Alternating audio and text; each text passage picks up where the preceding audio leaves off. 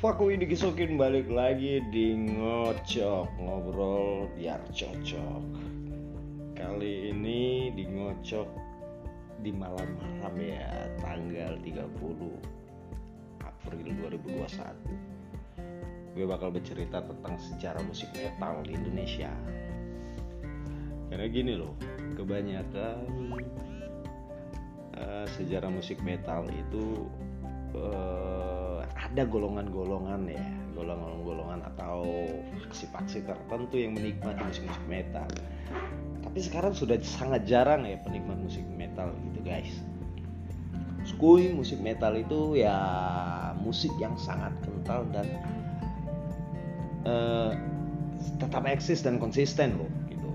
Karena sejarah musik Indonesia adalah musik embrio kelahiran since musik rock underground di Indonesia.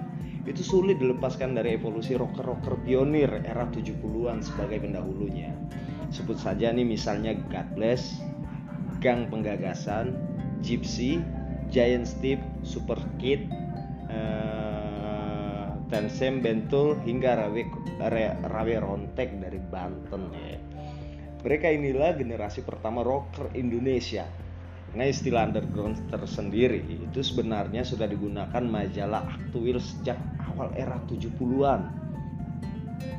Istilah tersebut digunakan majalah musik dan gaya hidup pionir asal Bandung ini untuk mengidentifikasikan band-band yang memainkan musik keras dengan gaya yang lebih liar dan ekstrim untuk ukuran zamannya.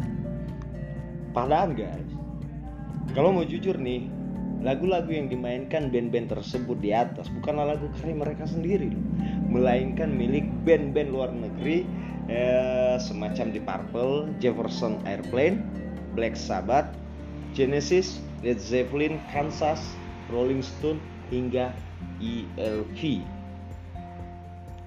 Karena tradisi kontraproduktif ini kemudian mencatat sejarah namanya sempat mengharum di pentas nasional eh, sebut saja nih misalnya ya El Pamas, Crash Rock, Power Metal, Adi Metal Rocks, Valhalla hingga Rocks XX. Selain itu, Lock juga lah yang membidani lahirnya label rekaman rock yang pertama di Indonesia yaitu Logis Rico. Gitu. Produk pertama label ini adalah album ketiga God Bless guys. Yaitu Semut Hitam yang sempat dirilis tahun 1988 dan ludes hingga 400 ribu kaset terjual ke seluruh Indonesia. Menjelang akhir era 80-an di seluruh dunia waktu itu anak-anak muda sedang mengalami demam musik asal metal sebuah perkembangan style musik metal yang lebih ekstrim lagi dibandingkan heavy metal. Band-band yang menjadi gutsnya antara lain Slayer, Metallica, Exodus, Megadeth, Creator, Sodom, Anthrax, hingga Sepultura. Kebanyakan kota-kota besar di Indonesia seperti Jakarta, Bandung, Yogyakarta, Palembang, Surabaya, Malang hingga Bali scene undergroundnya pertama kali lahir di genre musik ekstrim tersebut. Karena di Jakarta sendiri komunitas metal pertama kali tampil di depan publik pada awal tahun 1988 komunitas anak metal saat itu istilah underground belum populer. Ini biasa hangout di pitbab sebuah pub kecil di kawasan pertokoan Pondok Indah Jakarta Selatan Uh, karena saya pernah baca ya, menurut Krishna J. Sedrets, frontman Suckerhead, selain nongkrong, anak-anak yang hangout di sana oleh Tante Esther. Uh, kalau nggak salah, ownernya Pit Pub. Diberi kesempatan untuk bisa manggung di sana setiap malam minggu. Biasanya selalu ada live show dari band-band baru di Pit Pub dan kebanyakan band-band tersebut mengusung musik rock atau metal.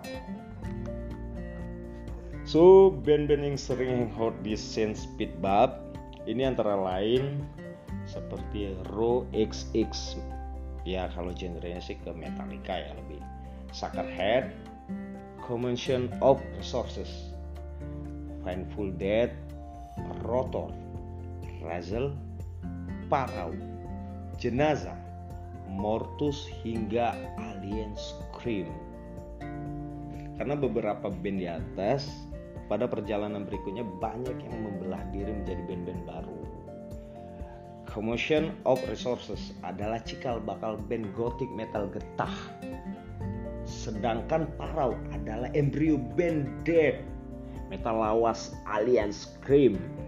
Selain itu Odi, vokalis Painful, uh, selanjutnya membentuk grup Industrial Six Minded di Amerika Selatan bersama Rudi Sujarwo.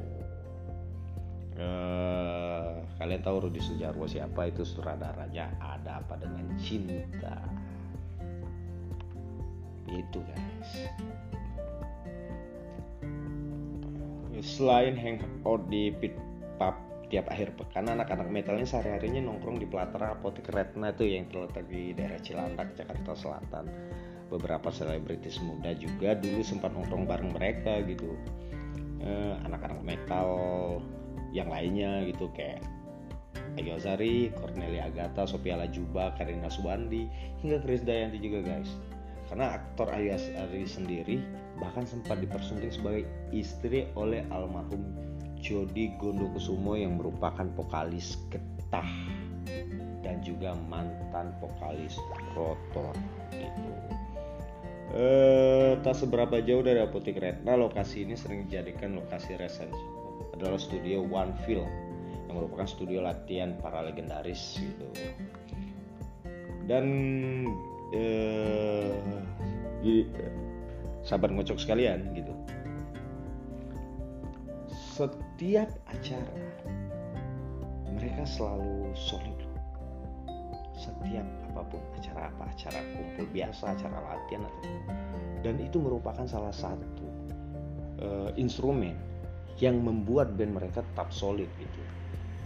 Karena mereka tahu mereka adalah lokomotif band metal di Indonesia gitu.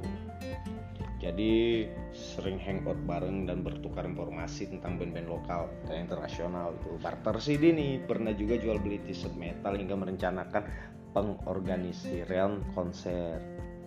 Harusnya begitu tuh. Karena sebagian lagi yang lainnya memilih hangout di basement block mall yang kebetulannya letak berada di bawah tanah gitu. Pada era ini hype musik metal yang masih masif digandrungnya adalah subgenre yang makin ekstrim yaitu death metal. Brutal death metal greencore black metal hingga gothic. Itu sobat ngocok sekalian kita berbagi nih. Karena ada beberapa band yang makin mengkilap namanya di era ini. Band itu adalah Grausik, Trauma, Art, Tengkorak, Delirium, Tremes, Corporation of Bleeding, Adaptor, Betrayer, Sadistic, Godzilla, dan sebagainya.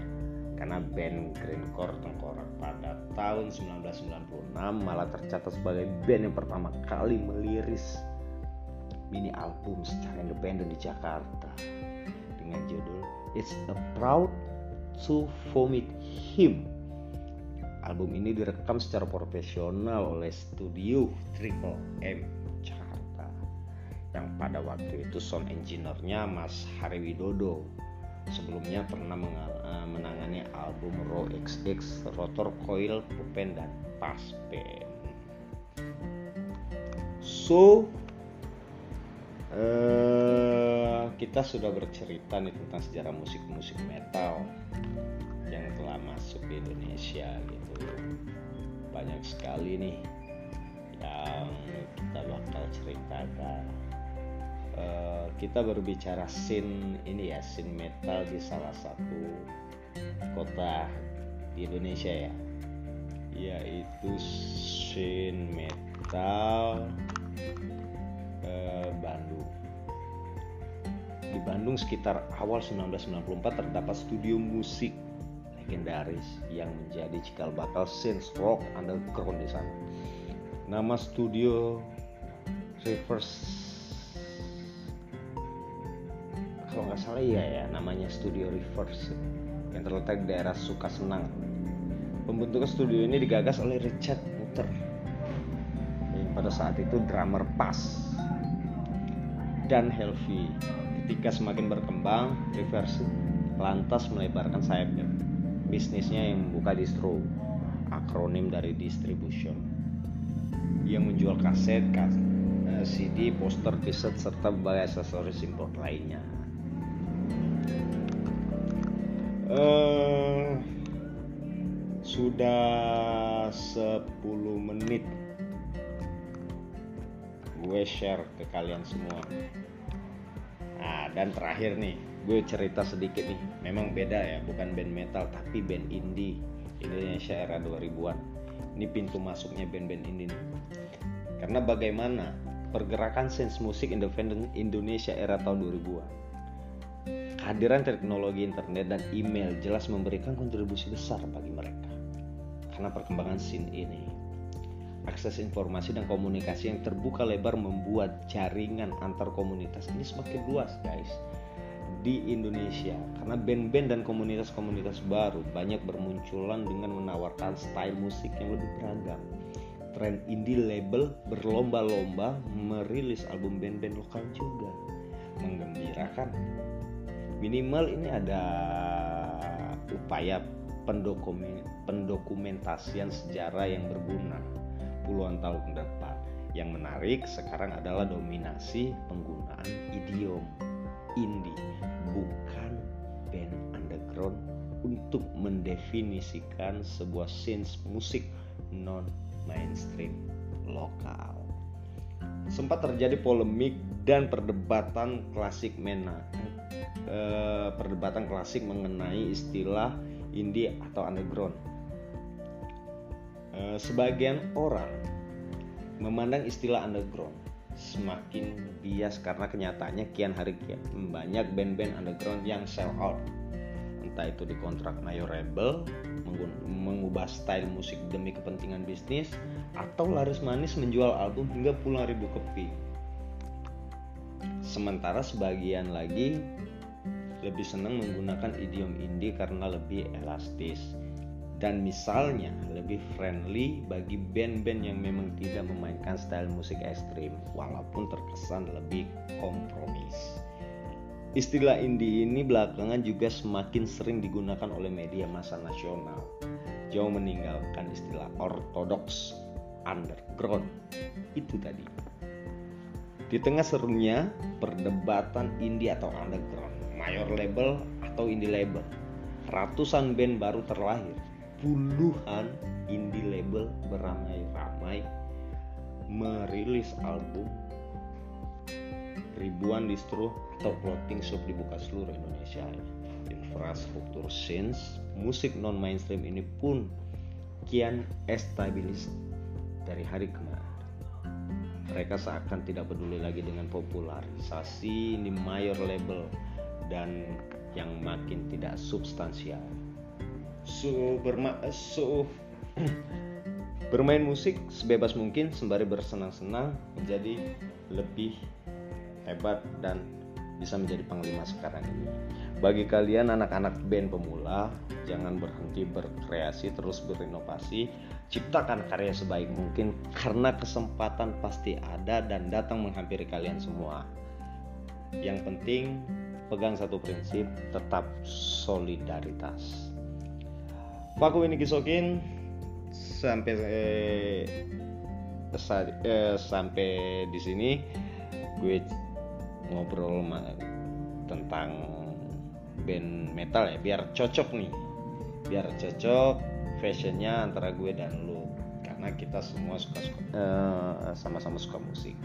So buat kalian yang dengar live podcast ini jangan lupa di share, di like dan juga uh, subscribe channel YouTube Ahmad Fakowini. So, thank you banyak. Thank you, thank you, thank you. Thank you buat kalian semua. Salam sehat semuanya. Salam ngocok.